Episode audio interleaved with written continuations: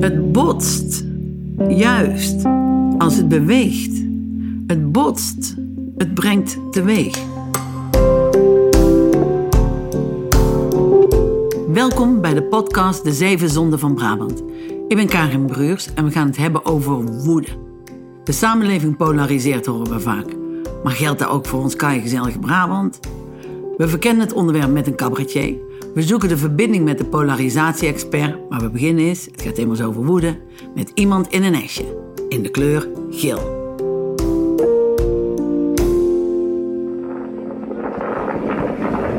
Wat zien we hier nu?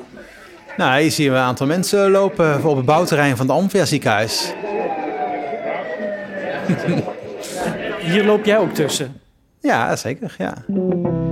Onze verslaggever Theo kijkt naar beelden van een gele hesjesdemonstratie in 2019, samen met de initiatiefnemer Jeroen van Glaabeek, CEO van CM.com. De actievoerders hebben dan ook niet per se de achtergrond die je zou verwachten bij zo'n geel hesje. Jullie besloten als werkgevers om gele hesjes aan te trekken. Waarom was dat? Nou, omdat uh, we wilden aandacht vragen voor, het, uh, voor de trend die we zagen van in het buitenland. Van, ja, dat, de ongelijkheid uh, groter werd, mensen dat niet meer pikken. Ik was veel in Frankrijk, zag veel ook daar echt hoe het aan toe ging. Mensen echt boos waren en de afstand die er was tot de overheid en bedrijfsleven. Mensen die vernielingen aanrichten. En dan, ja, dat moeten we niet in Nederland uh, krijgen. Dus we moeten zorgen dat mensen bij elkaar komen en, en aandacht hebben voor de, voor de kloof en hoe mensen dat met elkaar kunnen ervaren. Kijken. Ja, hier zie je een foto uh, op de achtergrond, uh, de bouwput van het Amphia ziekenhuis. En dat was toen het, eigenlijk de aanleiding waardoor ik mensen zover kreeg om zo'n geel hesje aan te doen. Ze nou, we gaan even de bouwput kijken van het, het ziekenhuis. En dan moet je wel even een geel hesje aandoen. Maar het was een grap. Nou, dat was, uh, dat was eigenlijk uh, zo begonnen. Het is natuurlijk leuk om het ziekenhuis te kijken. Want we hebben het grootste bouwproject uh, van Breda. En het is ook het grootste werkgever van Breda. En wij waren daar met de werkgeversvereniging.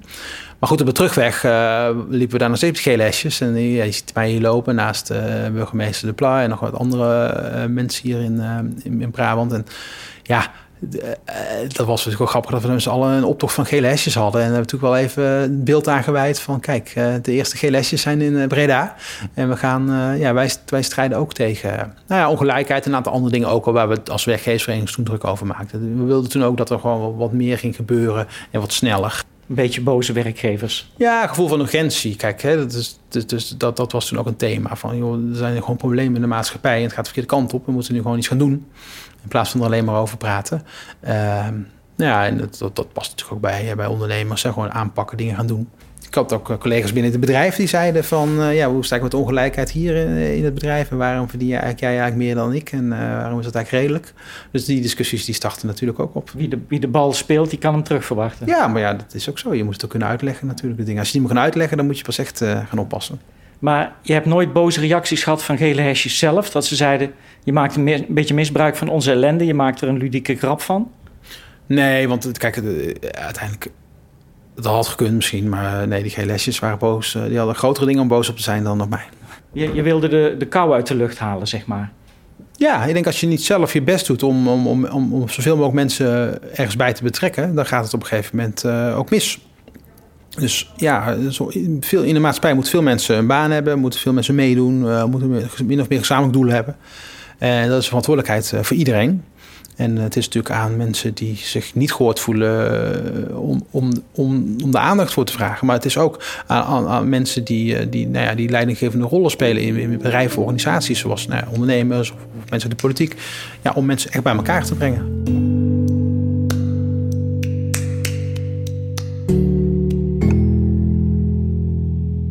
Nou, stel ik me voor dat ik een geel hesje was, zeg maar. Een geel hesje die uit armoede aan de rand van de samenleving zo'n hesje aantrekken om te protesteren. Dan zie ik een stel van die welgestelde ondernemers. Die lopen ook in een geel hesje en die houden me een beetje voor de gek. Nou, ik denk dat we het uh, vooral heel serieus uh, nemen en proberen het probleem op te lossen uh, samen. En ik denk dat het ook, nou ja, weet je, ook ondernemers moeten een beetje emanciperen hè, tegenwoordig. Want uh, als ondernemer ben je toch altijd maar een beetje... ook steeds meer een afvoerputje. Je ziet nou hoe de overheid met de horeca omgaat. Van ja, oké, uh, jullie moeten dit ook maar even regelen, die anderhalve meter. Hè? Nou ja, mijn bedrijf is dan voor een deel ook financiële instelling. Nou, dan zegt de overheid, nou, jullie hebben een poortwachtersfunctie, dus jullie moeten ook heel veel controles voor ons doen. Dus er steeds meer wetgeving op ondernemers uh, of op ondernemingen van toepassingen verklaard om, om allerlei maatschappelijk werk te doen. Ook mensen met afstand tot de arbeidsmarkt in dienst nemen. Nou, allerlei taken, eigenlijk vroegere zorgtaken van de welvaartsstaat, die zitten nou bij het bedrijfsleven. Maar mag het bedrijfsleven ook wel eens laten zien dat ze er goed mee bezig zijn. En, en ook dat ze dat niet alleen maar doen uit verplichting, maar juist ook omdat ze die doelen ook omarmen. Boosheid, helpt dat? Ben je dan ook boos? Moet je dat af en toe laten merken? Nou, ik ben zelf niet zo'n voorstander van, uh, van uh, boosheid. Nee, ik denk van boosheid. Uh, als je boos bent, ben je toch vaak niet op je best. Je luistert misschien net iets wat minder. En je, laat je, je denkt iets minder na over wat je zegt. En dan krijg je soms meer schade van dan dat je er goed mee doet. Ja. Boosheid krijgt wel veel aandacht. En daardoor misschien word je ook gehoord. Ja, absoluut. Ja, boosheid is wel een businessmodel. Hè? Voor polariserende politici, maar ook voor media. Die, vinden, die, die, die, die leven ervan om ja, verschillen uit te vergroten. Uh, maar gelukkig bestaat de maatschappij ook uh, uit mensen die ervan leven om mensen bij elkaar te brengen en gezamenlijk een doel uh, te bereiken. Ik denk dat het moet er alle twee vast zijn.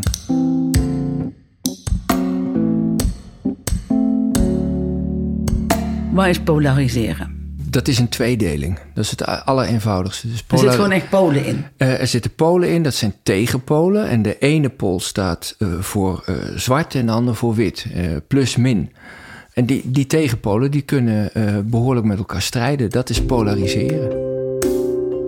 Ik zit hier aan tafel met Bart Brandsma. Hij is filosoof en adviseert onder meer burgemeesters, ministers en politie over hoe je om kunt gaan met polarisatie. Het lijkt soms dat die, dat die twee polen ja. dan de hoofdrolspelers zijn. Ja. Leg, leg eens uit wat de dynamiek dan is. Want je hebt niet zwart en wit. We hebben natuurlijk ook een hoop grijs. Ja. Als je wil polariseren, dan moet je heel erg zwart zijn of heel erg wit. Dus uh, zeg eventjes, uh, je bent aan het polariseren tussen de overheid en wij de boeren. Dat is een heel eenvoudig voorbeeld. Dan kan je zeggen als boer, ja, de overheid die heeft het ergens wel uh, bij het rechte eind als het gaat om dit of om dat. Maar het is veel krachtiger om te zeggen, uh, die overheid heeft, heeft, het totaal niet begrepen. wij zijn degene die hierin het slachtoffer zijn. wij moeten knokken voor ons voortbestaan. Niemand begrijpt de boer. we staan voor dag en dauw op. Het, terwijl daar in Den Haag zit een stelletje uitvreters dat niet eens weet dat een pak bruine chocoladevla niet van een bruine koe komt. kortom, je moet het heel scherp en zwart-wit neerzetten, wil je de aandacht vangen. Dus ja, dat, maar dat wil is je wat debat maken. Ja, je moet een debat maken. Ik, ik zit wel eens dagvoor, doe wel eens dagvoorzitterschappen. Ja. En dan hebben we er niks aan om een stelling neer te leggen dat iedereen, ja, dat vinden wij ook. Wie vindt dat? Dat vindt iedereen. Nee. Dus dan zet ik hem heel extreem weg. Ja. Laat me even knetteren. Ja, uh, zo werkt elke talkshow. Uh, je moet geen gasten drie uit het midden uitnodigen. Uh, je doet hoor, wederhoor. Zo werkt de exact. media. Zwart-wit. Um, en dat is een spel wat de politiek ook speelt. Wat de media speelt. Wat een dagvoorzitter speelt. Uh, en waar we met z'n allen, je, je zou bijna kunnen zeggen, knettergoed in geworden zijn.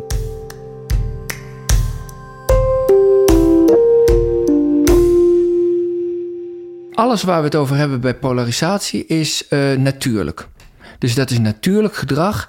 En het is ook eigenlijk maar goed dat het er is. Polarisatie is soms bedreigend, maar het is ook een verrijking.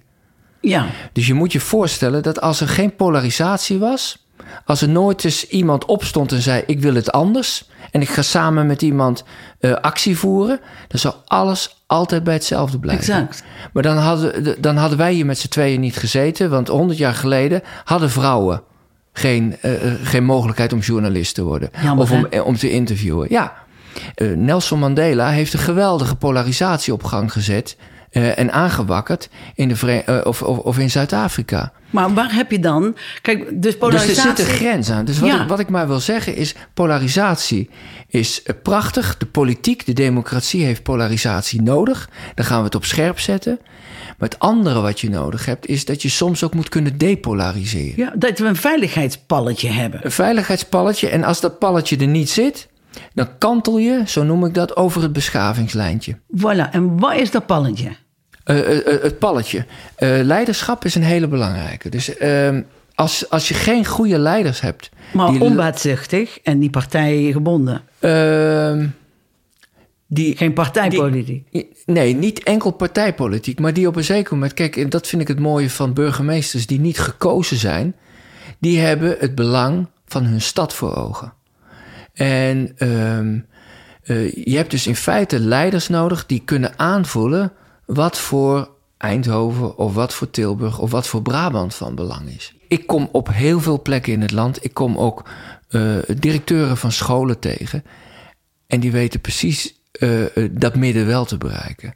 Eh, ik kom eh, bij de politie, ik werk veel met de politie. Er zijn ook politiechefs eh, eh, die aanvoelen eh, wat het team nodig heeft. Dus of je nou groot of klein kijkt, iedereen kan ervoor kiezen om lekker mee te polariseren, om een zonnekoninkje te zijn en voor de tijdelijke aandacht te gaan. Je hebt er ook eh, ja, die, die op een andere manier leiderschap laten zien. En jij en ik reken ik er ook maar toe. Wij moeten ook leiderschap laten zien. Dus je kan dat doen door de manier waarop je interviewt, of in mijn geval door de manier waarop je eh, eh, je werk probeert te doen. Ik denk dat, dat, eh, dat we het daarvan moeten hebben. Het, ze staan alleen wat minder in de krant.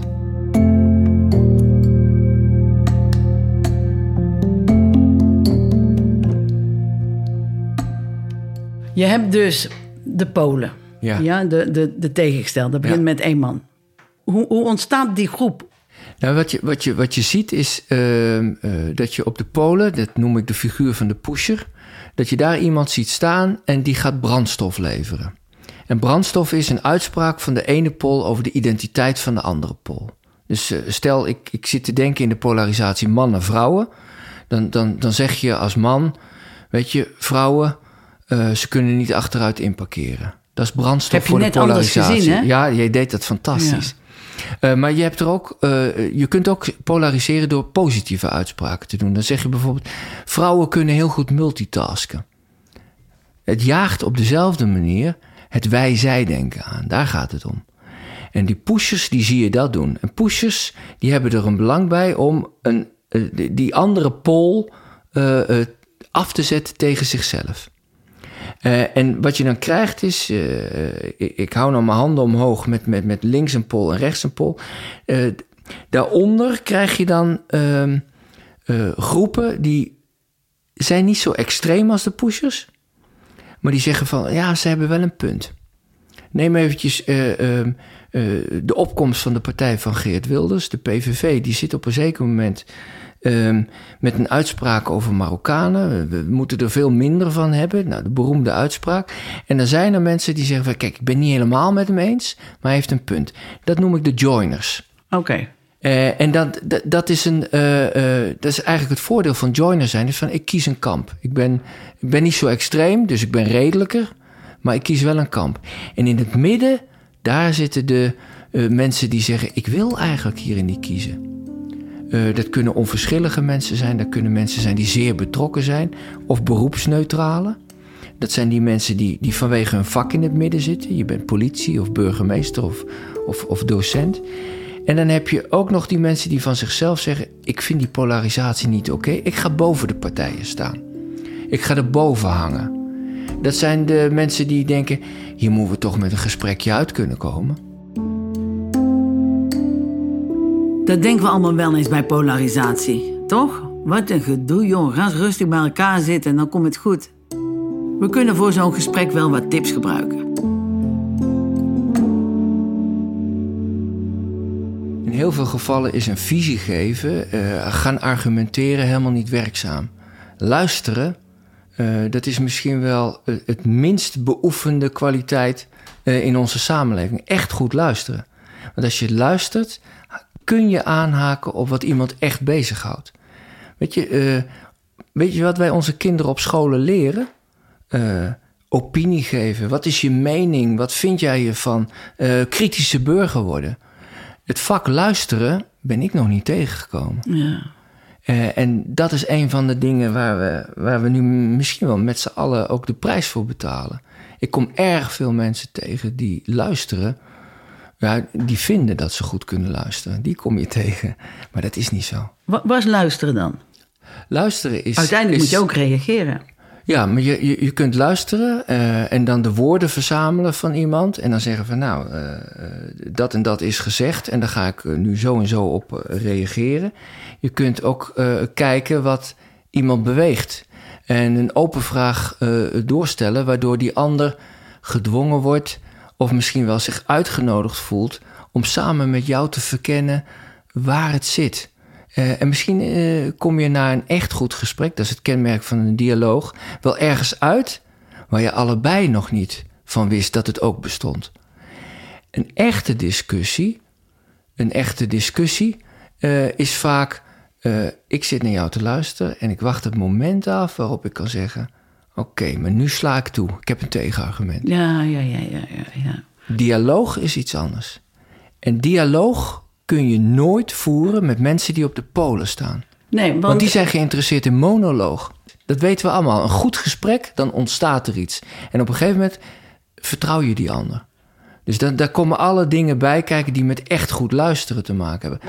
Is dat de taak van de middengroep? Kijk, de, de bruggenbouwers heb ik een Nee, dat beetje is de taak van dat de de- leiders. Dat is de taak, taak van de van de leiders. Dus de, kijk, die middengroep die moet gehoord worden. Eh, die zitten nu alleen maar te kijken naar wat de tegenpolen allemaal tegen elkaar brullen. Nee, als de middengroep erbij betrokken wordt, als die gehoord wordt en leiders kunnen dat faciliteren, nou, dan zit je in een heel ander proces.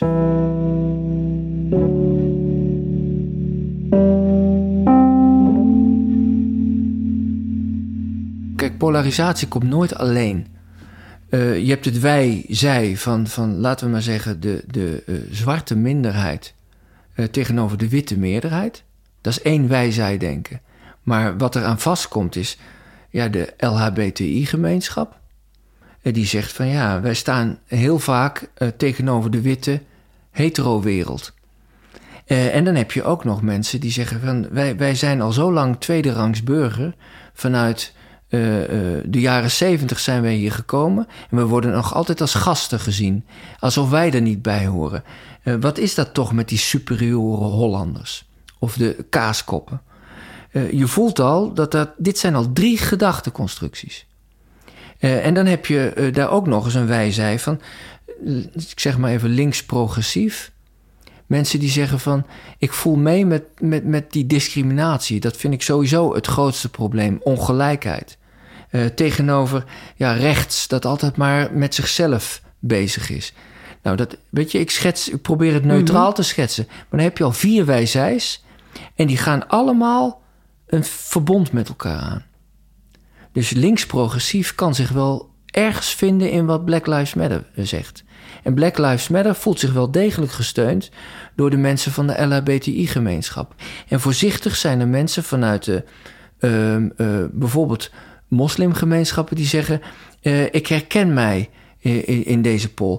Nou, en dan zie je dat het met elkaar zich versterkt. Dus je hoeft maar één oprecht woedend iemand te hebben... die dan ook eruit knalt. Want één man woedend is nog geen polarisatie. is één boos iemand. Ja, En die boos iemand moet eerst... en die moet dan een schuldige aanwijzen... En Ja. die, schuldig, die zich schuldig voelt aangesproken. Ja. En dan begint het polariseren. Ja, en het kan ook zijn dat die ene boze figuur tien jaar geleden kon roepen wat hij wilde en dat er niks gebeurde. Maar als het momentum er is. en eh, hoe weet je dat? eh, dat, dat weet je niet. Ehm, eh, ik weet nog dat eh, we hebben de Arabische lente gehad. Hè? Dat was Ja. zoveel jaar geleden dat de hele Arabische wereld in beweging kwam. En dat is begonnen bij een straatverkoper in Algerije. Eén man.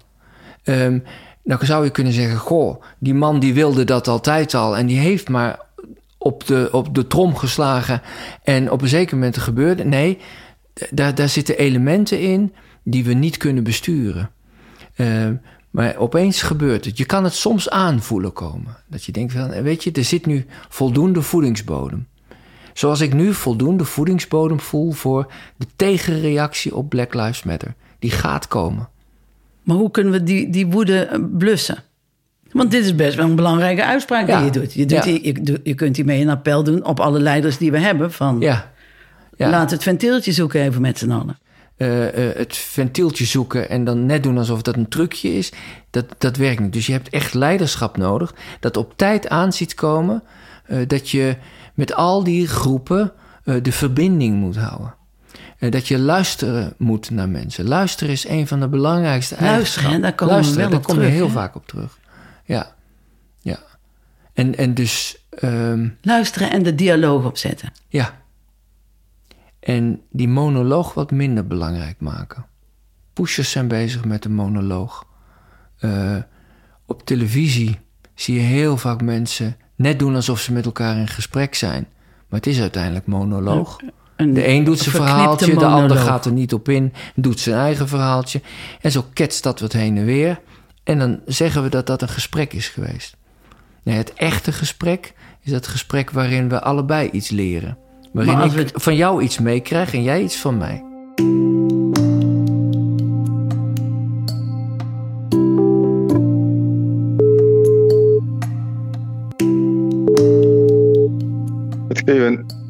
Steven, Karin Bruurs. Hallo. Hey, que pasa? Het gaat gangetje, hè? Aan de telefoon heb ik cabaretier Steven Brunswijk. Hij is net zo Brabants als Surinaams en daar had hij een typetje bij. En met dat typetje is hij nu gestopt. En daar wil ik voor deze aflevering het even met hem over hebben.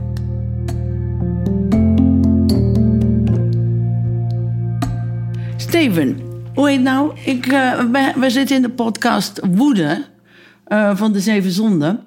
Ehm, en dan wil ik jou eigenlijk even hebben over jouw allereerste typetje waar het allemaal begon. Waar kwam toen dat idee vandaan?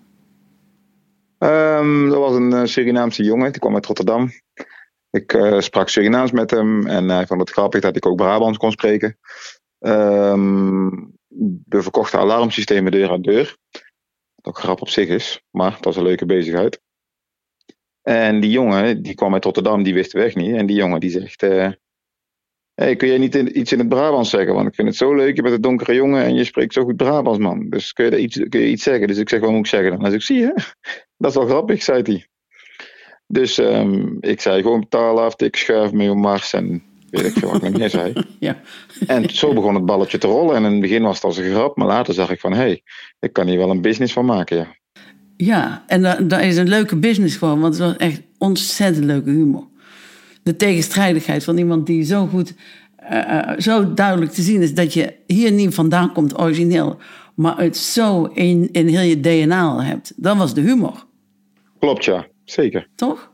Maar je bent een, een Bravo? Ik ben zeker een Bravo, ja. Zeker weten. Ik ben ook echt 100% Surinaams. Dus alleen jammer, ik vind het jammer dat mensen in Nederland niet beseffen dat het wel degelijk makkelijk langs elkaar kan. Mensen dachten, eh, ja, die is geadopteerd of zo, dachten ze. Alleen maar gebaseerd op omdat een donker jonge Brabant spreekt. Dat is best gek. Want als ik een donker persoon met een Amsterdamse accent hoor praten, dan hoor ik niemand zeggen. eh, ja, dat is een beetje gek om te horen.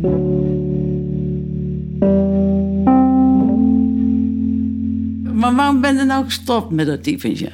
Ik vond het heel vermakelijk. Ja, waarom ben ik gestopt? Dat was in februari 2018 dat ik ermee stopte. Het, het, het had niks meer. Ja, het was niet meer. Ja. Het was meer provocerend als dat het iets bijdroeg aan de gemeenschap, zeg maar. Ja. En ik ben altijd van bruggen bouwen geweest. Maar als het zo provocerend is en mensen hebben er echt last van. Maar hoezo provocerend? Nou, mensen vonden die naam provocerend. Mensen vonden de, de naam neger vonden ze heel provocerend en pijnlijk voor een aantal mensen zelfs. Ik heb er minder moeite mee. De Bravo-neger. Ik vond, ja, ik heb er helemaal...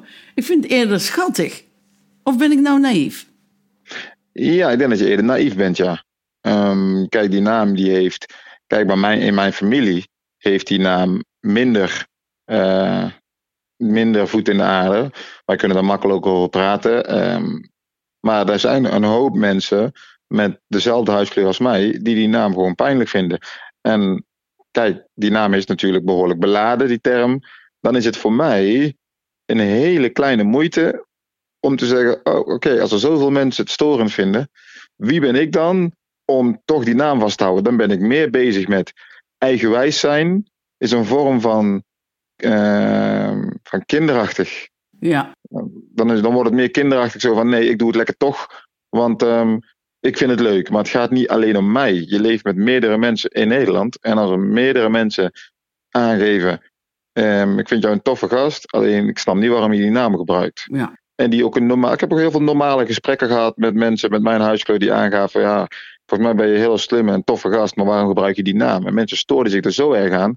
Dan is het toch een hele kleine moeite om een hand uit te reiken. Zo van: hé, hey, ehm, ik doe het gewoon mijn eigen naam. En de humor die blijft hetzelfde. Het is alleen een andere naam. Dus ja, ik. ik uh, en ik werd vader ook, hè? Maar dit vind ik heel wijs. Ik ben het helemaal met jou eens. Dan ben ik het waarschijnlijk ook eens dat Zwarte Piet niet meer zwart hoeft te zijn. Nee, daar ben ik het ook helemaal mee eens. Vroeger was ik volledig voor. Waarom? Ja, bij mij ging het, uh, ging het nergens over. Ik uh, vond het leuk. En, maar als je, als je dan verder gaat kijken en je wordt ouder en uh, je bent vader. In het begin had ik zoiets van, ja, ze moeten niet zeuren om Zwarte Piet. Die uitspraken heb ik zelf ook gedaan. Alleen, als ik opgroei in een omgeving waar voornamelijk blanke mensen wonen.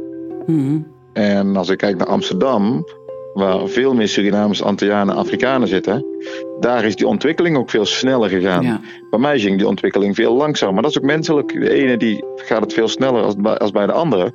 Alleen op een gegeven moment, toen ik het dus door had, dat ik dit gewoon niet meer oké vond, toen heb je gezegd van, hé hey, luister, dit ga ik niet meer vieren.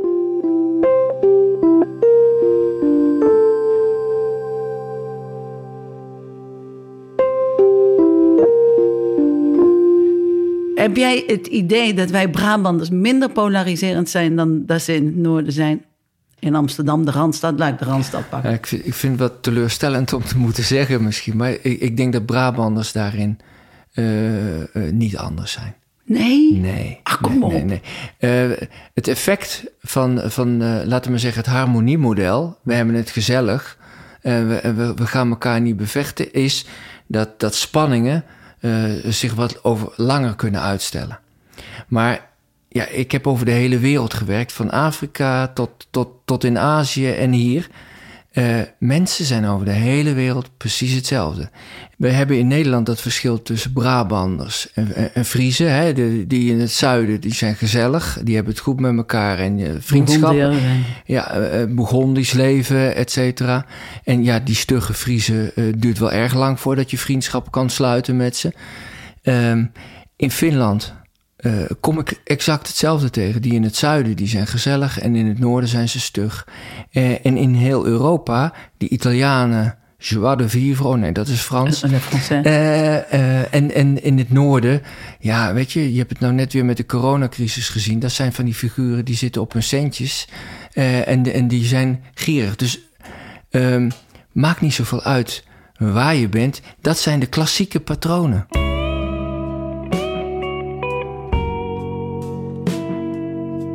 Je luisterde naar De Zeven Zonden van Brabant. Dat is een podcast van Brabant Kennis. En dit keer verkenden we het thema woede. Vond je dit nou een fijne podcast om te luisteren? Er zijn er nog zes. En die kun je nu vinden in je favoriete podcast-app. Deze podcast wordt geproduceerd door Johnny Wonder, eindredactie Thomas Hogeling, muziek en montage Rinky Bartels, reportages door Mino Remmers en Theo Verbrugge. Het eindlied is van Bjorn van der Doelen, het gedicht is van Merel Morren en ik ben Karin Breurs. Speciale dank aan Steven Brunswijk, Bart Brandsma en Jeroen van Glaabeek. Tot de volgende. Houdoe! Je goede mensen en je slechte mensen. Soms zijn ze een beetje lastig uit elkaar te houden, goede mensen doen soms slechte dingen. En slechte mensen doen soms ook goede dingen. Tuurlijk. In sommige gevallen is het gewoon duidelijk. Dit is een door en door slecht mens. Hè? Adolf Hitler, Jozef Stalin, Giel Pelen, Pol Pot. Slechte mensen. Maar in de meeste gevallen is het wel lastiger te zien. Waar we het echter aan kunnen zien is niet zozeer het wat men doet of zegt, maar het waarom. Waarom doen de mensen de dingen die ze doen? Doen ze dingen uit liefde of doen ze dingen uit haat om mensen te kwetsen? Bijvoorbeeld de leugens die we vertellen, want we zijn tenslotte allemaal leugenaars. Zijn we daarom allemaal slecht? Nee. Het gaat erom, vertellen we die leugens om iemand niet te kwetsen? Bijvoorbeeld, oh, je hebt een nieuw kapsel, wennen, maar ik vind het wel echt heel mooi. Of vertellen we ze om iemand juist wel te kwetsen? Die en die zei daar over jou.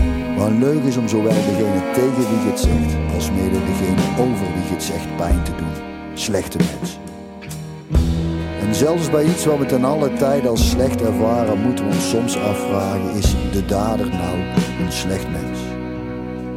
Bijvoorbeeld Martin Luther King, gezien wat de beste man voor de mensheid het betekent, mogen we hem denk ik toch zeker wel bij de goede mensen indelen. Echter, Martin Luther King was ook een fervent schuinsmarcheerder. Hij werd ook wel Martin Luther Swing genoemd. Was hij daardoor een slecht mens? Dat ligt eraan. Kwam zijn ontrouw voort uit de liefde voor de liefde, zo gezegd? Oftewel, was onze Martin gewoon zo scherp als een Duitse herder? Of piste die geregeld langs de pot om zijn vrouw moedwillig pijn te doen? Ik vermoed het eerst.